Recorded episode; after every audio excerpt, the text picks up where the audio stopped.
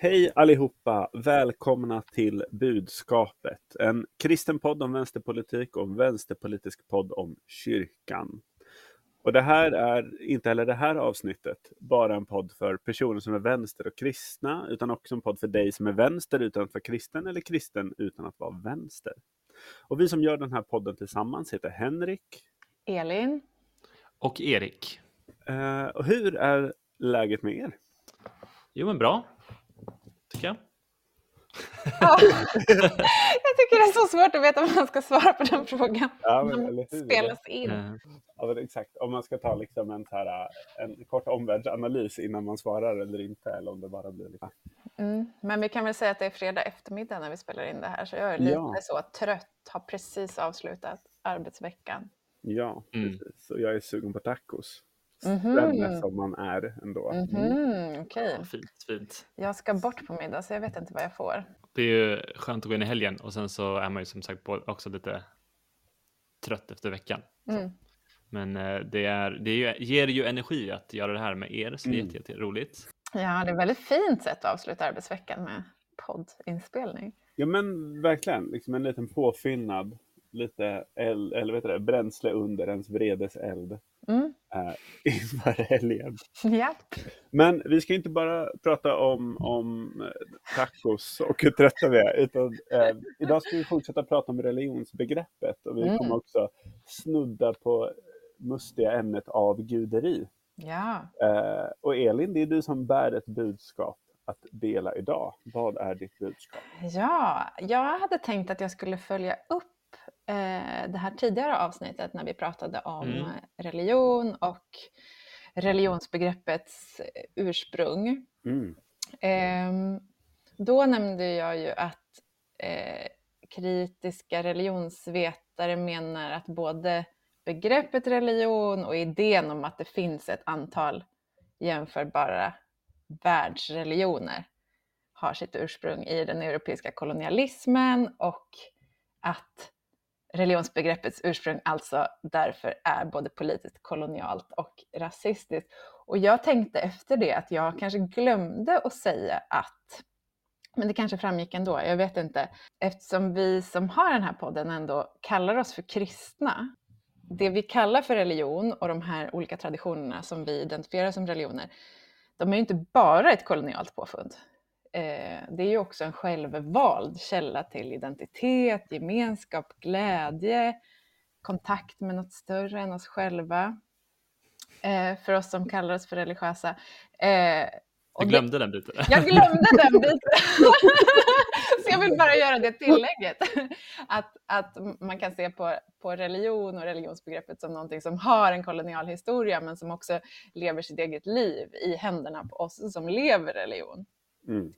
Men som sagt, eh, eftersom det här är en kristen podd, som vi säger, eh, så kanske det goes without saying. Men jag tänkte att jag gör det tillägget.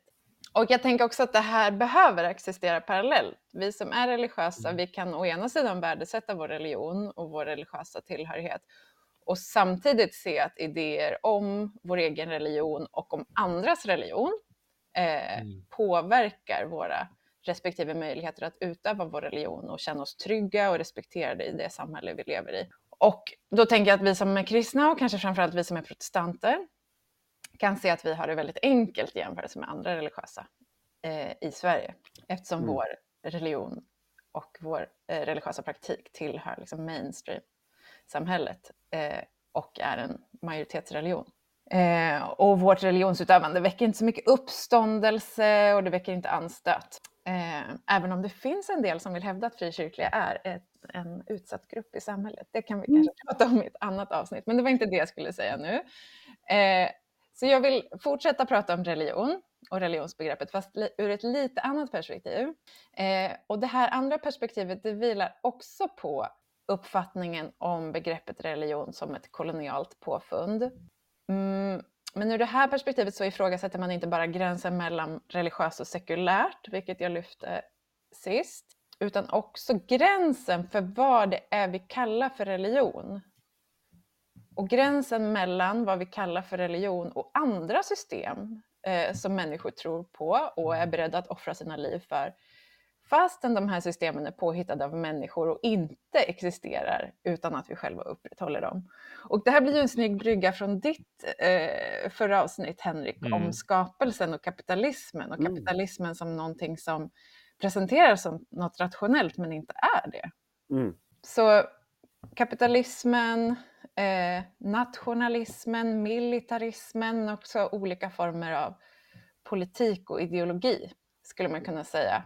Sånt som människor tror på utan att det finns liksom objektiva bevis för dess existens. Eh, vi kan omöjligt veta att kapitalismen är det bästa sättet att organisera ekonomin eller att eh, militär upprustning är det bästa man kan göra för att skydda människor från varandra.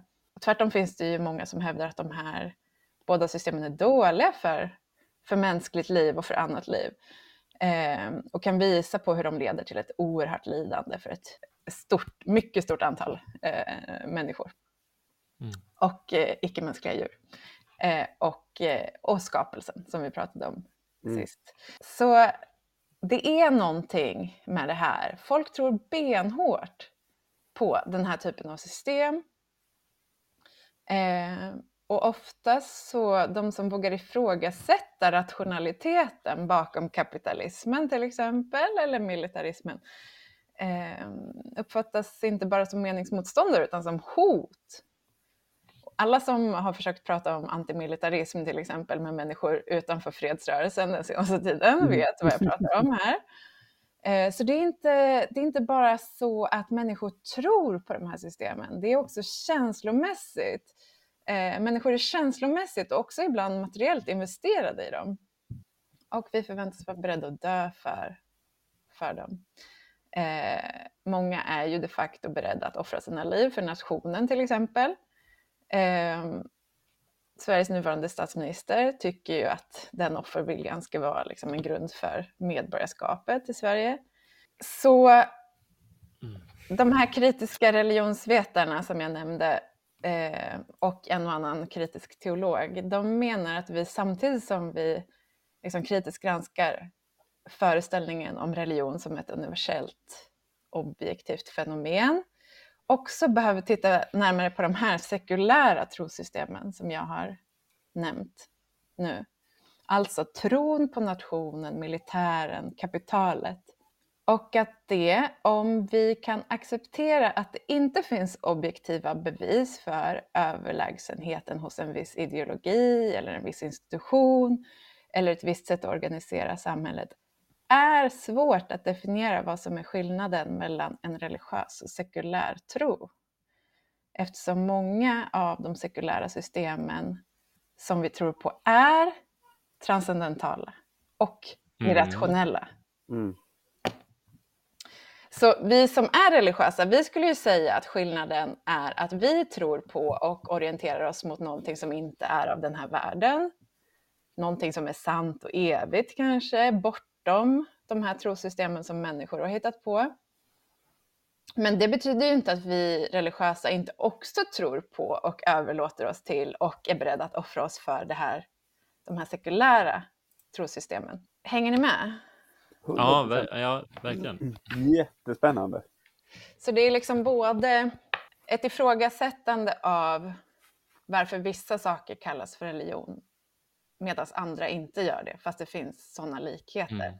Mm. Mm. Eh, och varför religion anses vara sämre eh, och det anses vara eh, irrationellt och korkat eh, och omodernt att vara religiös eh, många gånger. Men, men eh, det är inte konstigt att tro på, på de här andra systemen som man skulle kunna kalla för lika religiösa. Men nu går jag alltså in på eh, på perspektivet vad händer när vi som religiösa både tror på eh, våra religiösa trosystem och de sekulära. Och eh, det här var någonting som det pratades om på eh, Pilgrims höstmöte i höstas. Det mm. är, för er som inte vet, en årlig sammankomst för teologisk fördjupning skulle man kunna säga. Um, Och det här var i Linköping, eller det är varje år nu för tiden i Linköping. Och där var det en teolog som hette William T. Kavanaugh, en katolsk teolog. Eh, han var en av de inbjudna talarna. Och han pratade om just marknaden, krigsmaskineriet och staten som vår tids avguderi. Så det här Mm. går liksom in i det jag sa tidigare. Eh, och för er som inte är eh, bekanta med termen avguderi så löper det som ett mönster genom både den judiska bibeln och nya testamentet. Ett mönster av att människan tycker att det är svårt att tillbe en osynlig gud och därför skapar egna gudar ur det som Gud har skapat. Och det är det här som brukar kallas för att människan har avgudar. Och den mest kända är kanske guldkalven som israeliterna gjuter av sina smycken när eh, Mose är uppe på berget Sinai för att träffa Gud. Eh, och jag lärde mig att den berättelsen också finns i Koranen. Eh, När jag förberedde mig för det här. Sura 20. I Nya Testamentet så är den mm, liksom mest återkommande kanske mammon, den vi brukar prata om liksom, till vardags. Eh, någon slags personifierad form av rikedom eller pengar. Eh, och problemet med avguderi är inte bara att människor tror på någonting som de har hittat på själva, utan avguderi handlar om överlåtelse, prioriteringar, hur vi lever våra liv, någon slags riktning. Liksom. Vem vänder vi oss mot eller vad Mm. vänder vi oss mot? Och i Nya Testamentet så är Jesus eh, väldigt tydlig med att det inte går att ha flera gudar och att människor inte kan känna både Gud och mammon samtidigt. Antingen kommer han att hata den ene och älska den andra eller att hålla fast vid den ene och inte bry sig om den andra. Eh, citat. Eh, något av evangelierna, jag kommer inte ihåg. Eh, så avgudar tar tid och energi och kräver vår lojalitet. Och frågan som jag vill ställa i det här avsnittet, det är om vi kristna kan tjäna nationalismen, kapitalismen och militarismen samtidigt som vi tjänar Gud. Och det här blir kanske en retorisk fråga i sammanhanget eftersom det nog är ganska uppenbart att jag inte själv tror att vi kan det. Eh, så frågan är kanske istället varför så många kristna tror att vi kan det och varför inte mer undervisning i kyrkan handlar om hur vi kan hantera de här avgudarna som konkurrerar med den Gud och det Guds rike som vi bekänner som viktigast i våra liv. Så för att sammanfatta. Samtidigt som jag menar att icke-religiösa bör ifrågasätta sin syn på religion som någonting helt väsensskilt från deras egen sekulära tro på nationen och kapitalet, menar jag att kristna bör ifrågasätta om deras egen sekulära tro på detsamma är förenligt med deras kristna övertygelse. Det är mitt budskap. Mm. Otroligt, tack för det. Um, åh, vad du sätter ord på jättemycket spännande saker och jag får liksom ehm, direkt här när du börjar prata om, om mammon som en avgud så, Mm. så hamnar jag tillbaka i massa samtal jag hade i liksom sena tonåren på olika liksom så här festivaler och konferenser. Där jag liksom skämtade om att man kan ju inte känna mammon. Och, och då dyker det alltid upp liksom någon med så stark elevrådsordförande-aura och bara ja men det där handlar faktiskt bara om liksom girigheten. Man får inte känna mammon för mycket. Ja, Det är liksom det man vill. Och jag får säga att någon har elevrådsordförande-aura, för det har jag med. Eh, så det har du där- faktiskt. I know. Jag har också varit ordförande i flera elevråd, så det är inte så. Mm. Apropå saker som har format mitt liv kanske. Mm. Ehm, Nej, men det där är ju en vanlig sak. Att Mm. bara det inte blir viktigare än Gud. Men Mm. folk verkar ha väldigt bra koll på liksom, gränsen för när det blir för... Eller folk verkar aldrig komma upp i Ja. för mycket mammon eller för mycket liksom, av någonting. Gränsen går precis bortom det, där man själv är, så att säga. Ja, väl exakt. Eller om man börjar gjuta saker. Eh, där någonstans. liksom. Ja, nej, men min, min guldkalv är okej. Den är, den är lugn. Liksom. Ja, ja, men exakt. exakt. Bara jag inte dansar runt den så är det lugnt. Mm. Ja, att det är det som är problemet. Och så länge ingen blir arg. Möjligen. Nej, men jag tycker det är, jätte, det, det är jätteintressant och det är ju också provocerande och väldigt givande att prata om kapitalismen exempelvis som en religion. Eller militarismen om inte annat. Mm, Alltså det här mm. väckelsemötet vi har levt i det senaste Ja. året kring militarismen. Liksom. Ja, Mm. Mm. Um, Verkligen. Det var som att det var över en natt så var man liksom galen om man tyckte att kristna borde nog inte döda andra. liksom. Mm. Mm. Det blev liksom en helt galen åsikt. Liksom. Ja, det trodde jag ändå var ganska mainstream i kyrkan. Eller i alla fall så här, folk höjer inte på ögonbrynen när man säger alltså, att Mm. man är för att Nej. folk ska få leva. Liksom. Eh, det är ju en ganska vanlig åsikt i Det är inte lika Ja. självklart. Ja, men exakt. Men- Får, jag, får, jag bara, får jag backa bara? eh, För det, det här är en intressant diskussion så vi kan fortsätta. Men jag, jag vill bara benämna att jag tycker att jag, fick bara, jag blev bara slagen av hur stark och liksom eh, tidslös den här storyn om guldkalven är i, Mm. i liksom gamla Mm. testamentet. Och hur liksom, det är så tydligt för att alltså, kontexten är ju att Gud har ju tagit de här människorna ur liksom, f- förs- liksom slaveriet Ja. och de har liksom lämnat och, och de, de har faktiskt eh, eh, letts ur liksom, eh, det här förtrycket och, och sen när de väl är ute därifrån och Moses bara går iväg lite. Det första de gör är att vända sig till mammon eller Mm. till, till liksom guldkalven. Det Mm. känns så bara, man känner igen sig så mycket i liksom mänsklighetens beteende. Där. Mm. Ja, men Det är precis. kul att här, små gamla historier kan vara så, man bara, ja, så, så är det. Mm. Det är ju en berättelse om oss. Liksom. Mm. Ja. Förlåt, tillbaka till eh, Nej, men det... Nej, jag tycker det är jättespännande. Nej, men också här, för, för mig så hänger det ihop med liksom svårigheten att tro på det goda jag inte kan se. Då är det Mm. väldigt mycket lättare att hålla sig i det som finns Ja. redan nu. Liksom. Det är ju som så här, eh, jag, jag har blivit anklagad för att vara naiv väldigt många gånger när jag ifrågasätter militarismen. Liksom. Eh, Mm. för att jag har rört mig mycket i, i fredsrörelsen och för mig så handlar det, det hänger ihop med det. Det är väldigt svårt för folk att tro på att det finns ett annat sätt att göra saker på än att Mm. slå på Mm. de som är dumma tills de slutar att vara dumma. Liksom. Att det överhuvudtaget skulle funka att göra saker på ett annat sätt. Kan man liksom inte föreställa sig. Liksom. Ehm, jag tänker att det finns någon parallell här. Liksom. Svårigheten i att tro, kanske. Mm. Eller något. Mm. mm, Ja, men och att tro på och leva eh, mm, liksom vänd mot någonting som inte kommer ske imorgon. För Mm. det är någonting med den här med väntan också. Eh, Mm. Israeliterna gjuter den här kalven medan de väntar på Mose, att han ska komma Mm, tillbaka och rapportera vad han har, har liksom fått Mm. veta från Gud. Eh, för det är ju liksom, det är ofta så under brinnande krig att man som antimilitarist ställs till svars. Bara, ja, men vad ska vi göra då? Ska man bara låta folk dö? Mm. Eh, Ja, och det, och det där blir ett så här... Det, det blir en väldigt märklig och också mycket orättvis fråga. Att, här, Ja, när det snarare handlar om liksom, att man tänker sig andra typer av relationer och, Mm. och e- e- ett annat samhällssystem Ja. och en, en annan inställning till mm, eh, internationella relationer Mm. eh, Ja, och konflikt. verkligen. Ja, men och det blir något så här, om, om det enda vi hela tiden tänker är militarism, då är det klart att vi hamnar i liksom, kriget som någon slags slutsats hela tiden. Men jag menar, så vitt jag minns så regeringen Reinfeldt drog ner alltså demokratistödet, eller stödet till eh, organisationer i Ryssland som jobbar med demokrati och mänskliga rättigheter med 90 procent. Mm. Alltså, där borde man ju någonstans börja ifrågasätta och börja jobba på ett annat sätt innan vi hamnar eh, där vi hamnar Mm. idag.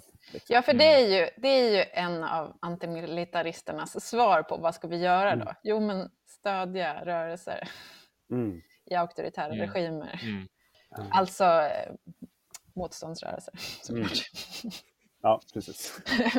Men det, det som jag tycker är intressant, alltså jag, jag var ju med i någon sorts eh, såhär, online eh, sänd debatt om eh, krig och sånt där precis när den här NATO, NATO-grejen drog igång eller när, när Ryssland inv- invaderade Ukraina och, Mm.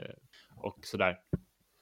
Och jag hade, jag hade nog inte så välutvecklade resonemang där, eh, men alltså Eh, men då, prat, då tänkte jag ganska mycket på liksom, ah, okej, alla verkar vara överens om att liksom, det finns eh, principerna kring så här rättfärdiga krig är liksom, ja, kan man förstå så här. Men det är just den här mekanismen av militarism som sätts igång Mm. i sådana här tider som Mm. har liksom ett större liv än bara liksom eh, ja, vi måste kanske försvara oss. på Mm. Något. Alltså, Mm. eller, alltså det finns så mycket som sätts igång, inklusive då väldigt, väldigt, väldigt starka ekonomiska incitament från, eller liksom drivkrafter som, som, som hakar på. Ehm, och det är där man måste då tycker jag som kristen vara väldigt, väldigt skeptisk. Liksom. Mm. Och vi har eh, aktörer som ses som neutrala, inklusive då överbefälhavaren, eller vad heter han? Eh, det, Mik- ja, det, Ja, som, som liksom drar igång, han, han eh, slår på stora trumman och sen så liksom eh, sätter han också igång sitt, liksom, sin konsult, sitt, registrerar sitt konsultföretag Mm. eh, för att han ska kunna ha sin liksom avgång liksom made. Så. Mm, mm. Det finns så mycket eh, kan inte liksom någon bara vara sitta lugn i båten och inte göra det här för ekonomisk räkning liksom. Mm. Ehm, men det finns så mycket, mycket sådana såna aspekter som vi måste liksom kritiskt granska och då Mm. måste vi ha lite sans i huvudet som kristna tycker jag. Mm. Mm, mm. Jo, men det är väldigt lätt att liksom tappa, ska säga, tappa greppet om korset när någon kommer och säger att nu är det liksom viktigt att nu har vi inga andra val att, nu har vi inga liksom. Nej, precis. Men jag tycker att vi som, vi som ändå har, vi har korset att hålla oss i. Nej, men en annan moralisk kompass, en annan vision Mm. för samhället. Inte ens vi kan hålla fast i Nej. det. Men, men, Mm. men blir inte, man handlar inte det också om att det är svårt att tro på något man inte ser jämfört med det man har framför sig? Liksom. Mm. Mm. Alltså att, att jag, jag tycker det är obekvämt, men jag måste ju då eftersom jag är kristen liksom vara med på att säga, ja men jag behöver nog förbereda mig på att hamna i fängelse snarare än att liksom gå ut med vapen i hand. Och vara Mm. med på det. Liksom. Och jag Mm. behöver vara med på att, att någon tar mitt liv snarare än att jag ska ta dens liv istället. Mm. Alltså för att Mm. jag behöver hålla mig i att inte acceptera spelreglerna som Mm. folk säger att det handlar om. Liksom. Mm. Och det Mm. där kräver jättemycket. Det kräver liksom mycket inre process, att man finns i ett sammanhang där det, det är som man liksom Mm. låter sig formas av och sånt där. Och det där är mer och mer sällsynt. Jag vill tänka att det var vanligare när vi var unga. Eh, Har jag rätt i det här? Eller är det bara att jag är gammal och inte finns i de sammanhangen längre? Vet inte. Nej, vet, nej men precis, var det för att det var en speciell tid? Eh, eller pratar unga fortfarande på det sätt vi gjorde när vi var unga? Precis. Är det fortfarande Mm. lite sexigt att vara vänster som det var när jag var 16? Nej. Nog inte va? Nej, jag Men, eh, inte det. ja. Men det är, det är en intressant fråga. Varför har, vi, varför har vi tre hamnat där vi har hamnat idag i våra övertygelser? Liksom. Ehm, kring Mm. just de här, de här sakerna, Mm. kring avguderi och sånt där. Ja, för det är inte som att alla kristna skulle hålla med oss eller alla frikyrkliga skulle sitta och hålla Nej. med oss i det vi säger nu. 100 Nej, och det, och det finns ju liksom massa andra avgudar som, som kanske blir så här. Alltså, folk kanske skulle säga, här att, skulle säga att eh, vänsterkristna har avgudar i att man liksom tror på att på, tror på en stark stat. Till, Mm. så. Alltså, Men- det finns ju, Absolut. Men jag kan tycka att det där liksom blir, om man bara tar liksom avguderibegreppet, så, så tycker jag att det där, när jag har hört det predikas om och talas om, att slutsatsen blir alltid fruktansvärt töntig. Liksom. Att det är så här, även att lyssna på musik kan bli en avgud om man lyssnar Ja. för mycket. Det, alltså att det blir väldigt liksom, ja, just det, Men det är alltid så här hur rätt.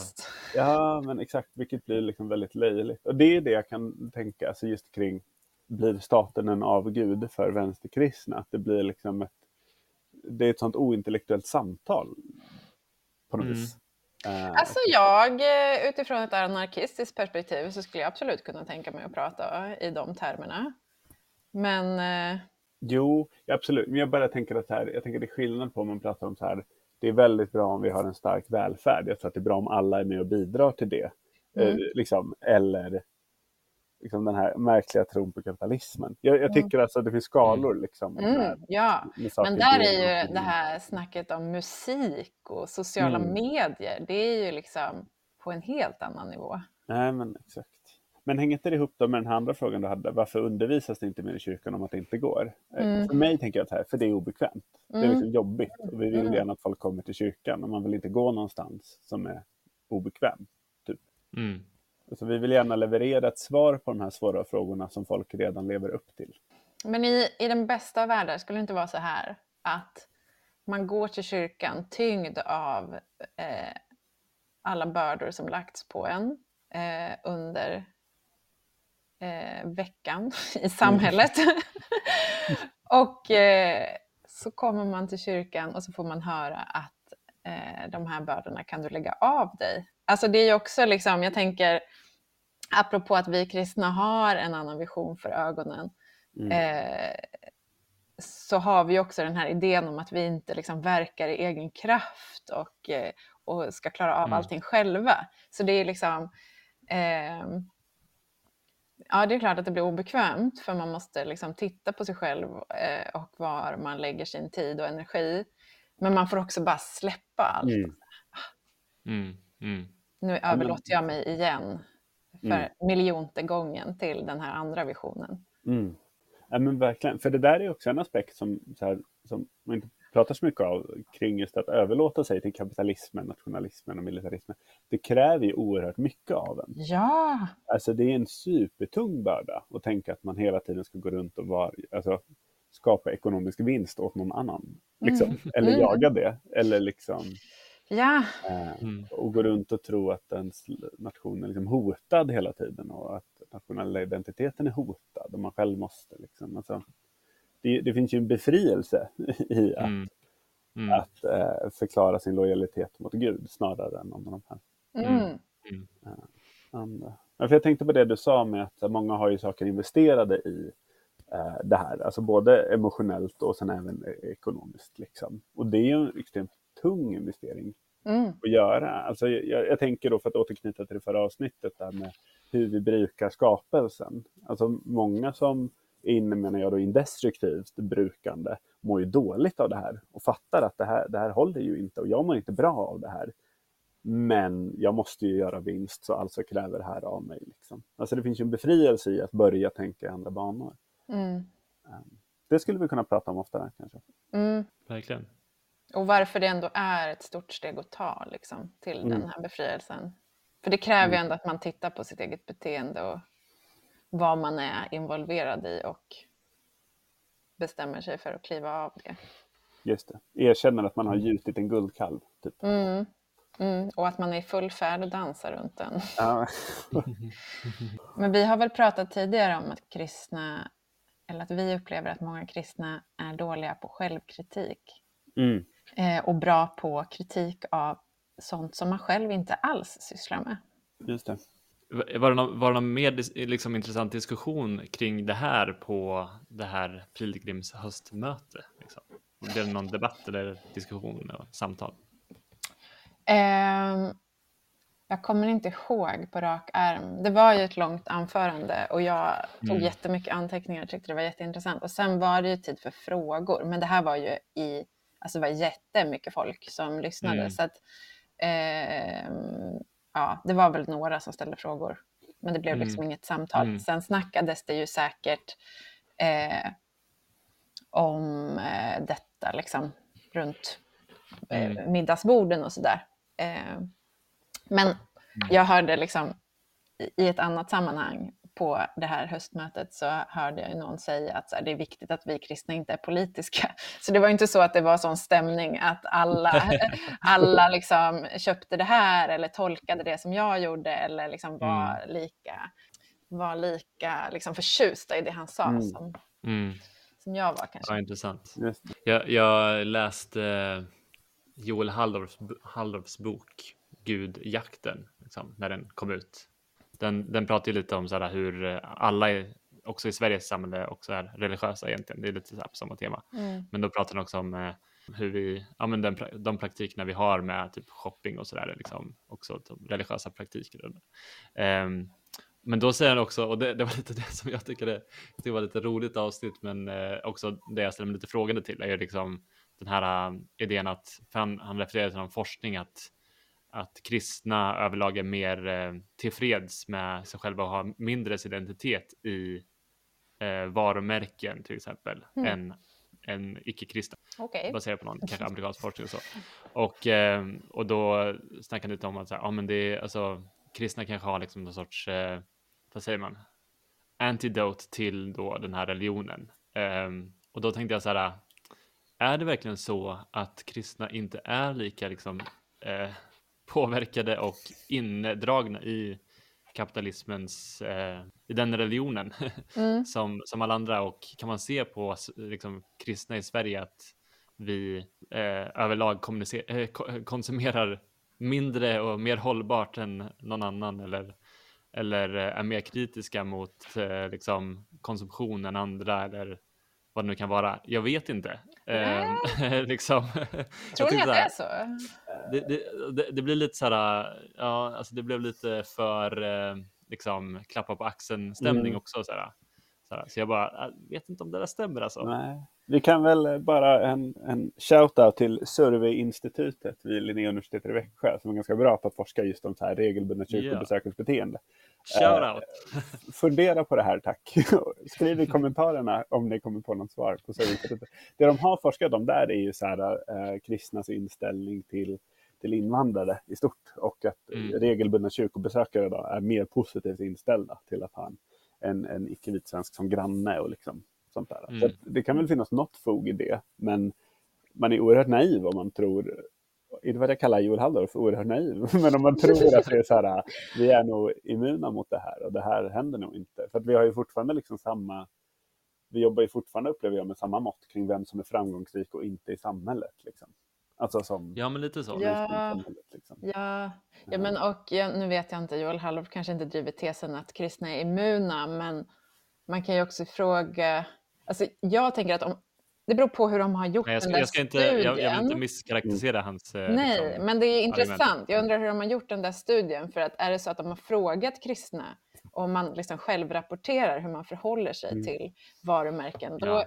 då kan jag tänka mig att många liksom i ord har en antikapitalistisk hållning för att man har lärt sig att Gud alltid är viktigast.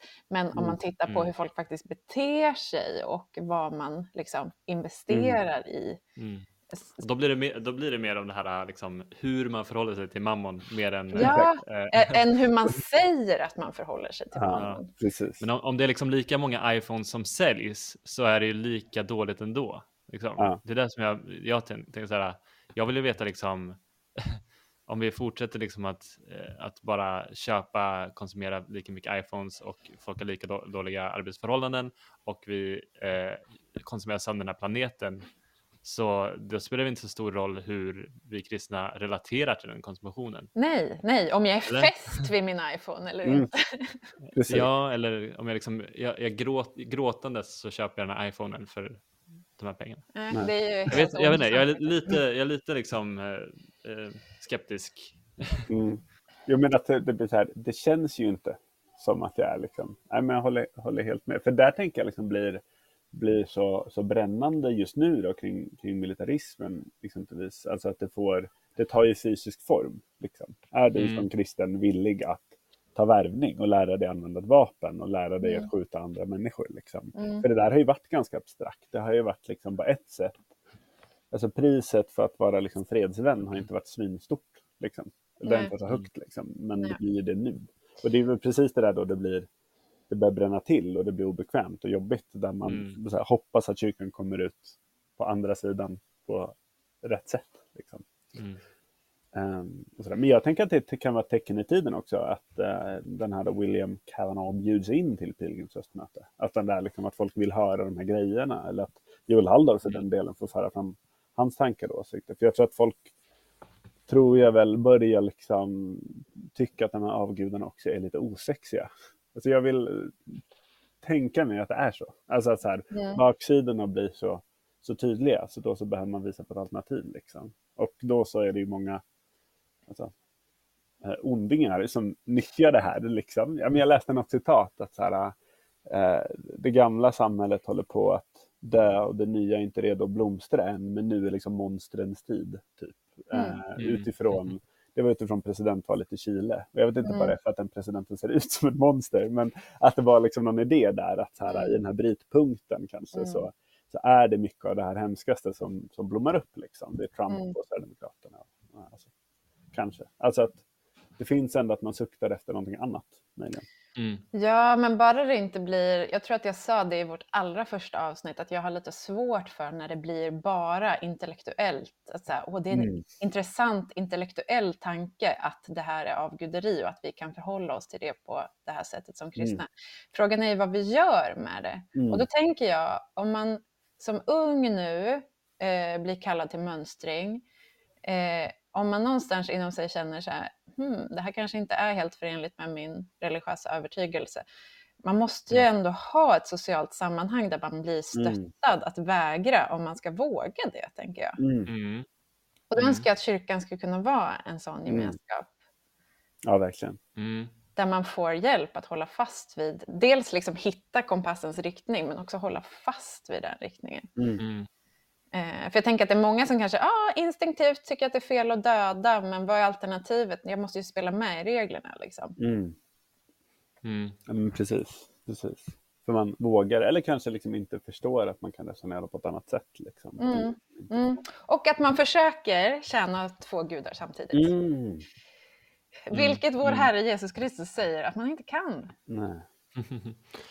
Men, eh, och nu kanske det här blir en, det som jag säger nu är en intellektuell eh, övning mer än något annat. Men eh, jag tycker att när det kommer till eh, att prata om eh, ojämlikhet och kapitalism och sådär så är det också att eh, vi kan ju liksom eh, inspireras av eh, andra saker än vad som är just nu och till exempel så finns det en biblisk tradition kring jubelåret och alltså kring eh, de, den, de judiska idealen, alltså ancient judaism om, om hur man liksom återställer liksom en balans när det kommer till ojämlikhet och, och skuldsättning i samhället.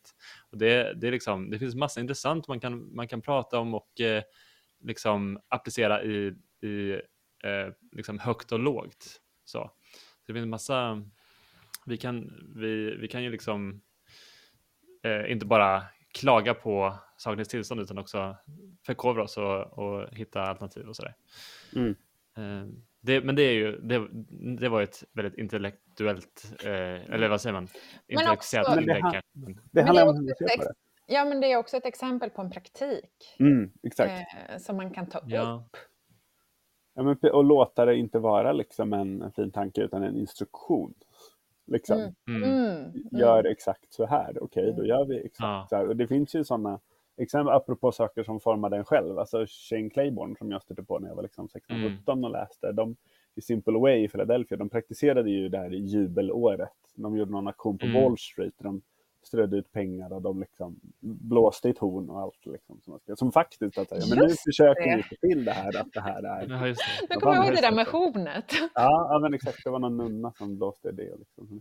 Alltså att det, man kan ju, jag, Ja. jag är ju ett fan av att göra praktik och grejer och sen låta det få djupet det faktiskt har. Liksom. Alltså, Ja, bara för att omvärlden kommer säga att du är banal i det du gör betyder det inte att du själv måste gå med på det. Liksom. Mm, Alltså, eh, jag odlar ju mycket och jag vill ju tänka att det är en, liksom en, en helig handling att göra det och ett sätt att liksom koppla mig fri från dyrkan av kapitalismen och tilliten till att den här osynliga handen ska ge mig mat. Apropå liksom avgudar. Den här liberala idén om marknaden som självreglerande, den osynliga handens styr. Alltså, eh, jag vill ju tänka att det är så och jag tänker att mm, vi skulle må bra av att faktiskt mer praktik. Liksom. Ja, mm, men också att religiösa eh, ceremonier och riter också har en politisk dimension Mm. och kan ha det. 100 procent. mm. det. Det tänker jag att vi vänsterkristna också glömmer bort. Det, och det, alltså det finns ju också så här konkreta, i USA finns det massa kyrkor som, som ju samlar in pengar till sådana här, vad säger man, personliga skuldsättnings, alltså Mm. människor som är skuldsatta Mm. eh, och behöver, behöver komma ur skuldsättning. Det är också en sån här eh, jubelidé och eh, ibland så ska man kunna tänka att liksom, man skulle behöva samla in pengar för, jag vet inte, ja, det är Sverige såklart för att, för att vi är extremt skuldsatta Mm. för att kunna hjälpa varandra i våra communities men också typ eh, för, för att, eh, jag vet inte, hjälpa folk som vill lämna sitt jobb på Klarna till exempel. Mm. en övergångsfond för, för sådana som vill sluta hålla på Ja. med så- mycket om sådana struntsaker. Ja. Men också, Ja. alltså man kan också propagera för avskrivning. Det, Mm. det är liksom Ja. en, en idé som går emot den kapitalistiska logiken. Vad menar man? Men Ja. som är helt möjlig. Att man avskriver skulder. Man behöver inte ens samla in pengar för att Mm. betala av dem, utan man kan bara stryka ett streck. Det är fullt möjligt. Men inte enligt en kapitalistisk logik, för pengarna måste ju in. Mm. Ja, och man, man gör väl det, nu är inte jag någon expert på eh, företagsekonomi, men när, en, när en, eh, ett företag, eh, ett AB är skuldsatt och, och går i konkurs, Mm. då skrivs väl det Ja. av på något sätt. Ja, Men när en person är skuldsatt och går i personlig konkurs, då ska den eh, liksom eh, utmätas. Alltså då- ska sk- liksom de skulderna in över lång tid och man ska liksom skuldsaneras och Mm. alltså det är ju ett extremt, eh, alltså vad gör vi mot människor? Och samtidigt så finns det de här lösa reglerna på, på kreditmarknaden så att så man kan lura in folk i, Mm. i liksom snabba lån, eh, online-spel etc. Alltså det är ju, det är det är ja, det personliga ansvaret är ju liksom överdimensionerat gentemot liksom det som företag får göra mot människor. Mm. säger. Mm. Ja, men och det tänker jag, det har vi också pratat om tidigare, att kyrkan kan vara bra på att ta hand om enskilda människor som det är synd om, Mm. eh, Mm. men är sämre på att samtidigt kritisera de system som har försatt människor i de där situationerna. Mm. Mm. Ja, jag, alltså jag blir, eh, jag blir lite upprörd. Det, alltså, om man kollar på sådana här eh, listor av nya miljardärer så är det ju ganska många inom just eh, liksom online kasinoverksamhet, kreditbolag, liksom utlåning och sen är det liksom så här, ja, fastigheter, arvtagare Mm. och sen några som där liksom täckisar. Liksom. Men det är så här, vad är det här för samhälle? Mm. Är, det, är det det här samhället vi vill liksom bygga och premiera? Mm. Bara massa liksom struntsaker som inte har något värde egentligen. Nej, det är inte en strunt. Känns det inte som att det är helt igenom ont? Det är Här är jag beredd att så här, det här är andligt. Ja, men Ja, 100 procent. Jag läste en, en intervju med någon sån spelkasinosnubbe eller nätkasinosnubbe som hade fått en här insikt om att han var ond. Eh, och det var liksom, han bodde på Malta och liksom verkligen ond, ond liksom. Eh, och, så, här- så här, jag menar, om man registrerar sig där så behöver man inte betala skatt. Och. Mm. Eh, och hur de pratar om att så här, han bara, ja, men så jag omvärderade mycket mitt liv och, och funderade på men vad kan jag göra för gott liksom. Och då räknade jag på det här och kom fram till att så här, myggnät och skicka dem till malariatäta områden, det är liksom det bästa sättet att göra liksom störst positiv insats per capita. Typ. För då, mm, för så, här, så många färre blir Ja. Bara, spännande. altruism-tanken. Ja, men, exakt. Men också då att vi frågade, typ, ja, men spännande, så det är ditt nya företag då, att de, liksom- ni skickar liksom, så här, men hur får ni in pengar? till det?" Jo, men jag, det jag kan är att driva nätkasino, så det är det jag har gjort. Jag har startat ett nytt nätkasino, där liksom en del av vinsten går till att skicka myggnät. Och man är så här, jag, jag förstår vad du vill, men du är ju Satan. Eh, Alltså, förstår du det? Att du liksom, och där är liksom, alltså det är, det är en person helt utan liksom fantasi och som liksom helt utlämnad till sin tro på det här. Och liksom skulle Ja. behöva höra om, om Jesus och behöva bli befriad från det här. Jo, men, Ja, alltså, han är ju ja. någonstans slav under det här. Liksom. Mm, och skulle mm. behöva Mm. bokstavlig befrielse. Liksom. Ja, verkligen. Och ja, Men det kanske, vi kanske får starta det här övergångsprogrammet för människor som vill lämna sina Mm. syndiga karriärer bakom sig och eh, skola om sig så att de kan tjäna sitt levebröd på ett mer moraliskt Det Sätt. känns som att vi skulle kunna hamna i konkurrens med kyrkan då. I den bästa av världar, eller? Ja. Just, just affärsidén är möjligen inte så ny, men Ja. det kanske behöver dammas av. Och, eh, ja, det behövs mer sånt i kyrkan. Men, men det, det fanns, vad heter han? Det, det är den här, alltså, den här nederländska historikern som blev eh, känd för att han åkte till Davos Ja. och sa att eh, man, ska, man måste beskatta liksom, eh, vad heter han? Rut, Rutger? eh, Rut, någonting. Rutger någonting. Ja. Men han sa, jag lyssnade på något poddavsnitt när han pratade och då sa han att ja, men han, han har en idé att, att liksom bygga någon sorts stipendieprogram för folk som tycker att de är i meningslösa jobb Mm. och vill ut ur dem för att kunna liksom gå in och göra, göra liksom meningsfulla saker. Alltså lämna Mm. typ så här management consulting jobb som de känner så här, ah, men det här är kanske lite meningslöst.